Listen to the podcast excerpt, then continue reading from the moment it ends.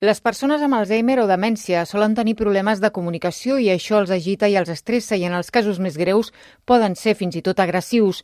Amèrica Morera, de la unitat diurna d'ACE Alzheimer. De ansiedad, de inquietud, de, de, bueno, mejor depende del carácter que tenga la persona, pues incluso tirar algún objeto o dar una patada a una puerta. Poder avançar-se a aquesta situació és el que ja permet uns mitjons que incorporen uns sensors que no es noten. Jaume Vidal, responsable del software. Aquests sensors col·leccionen dades doncs, de temperatura, humitat, moviment, i tot això s'envia amb un, al, al núvol, on fem l'anàlisi de dades en temps real, i allí hi ha una part d'IA que eh, classifica si la persona està en estat d'estrès o no. I a través d'una aplicació mòbil envia la informació al cuidador amb 15 minuts de marge.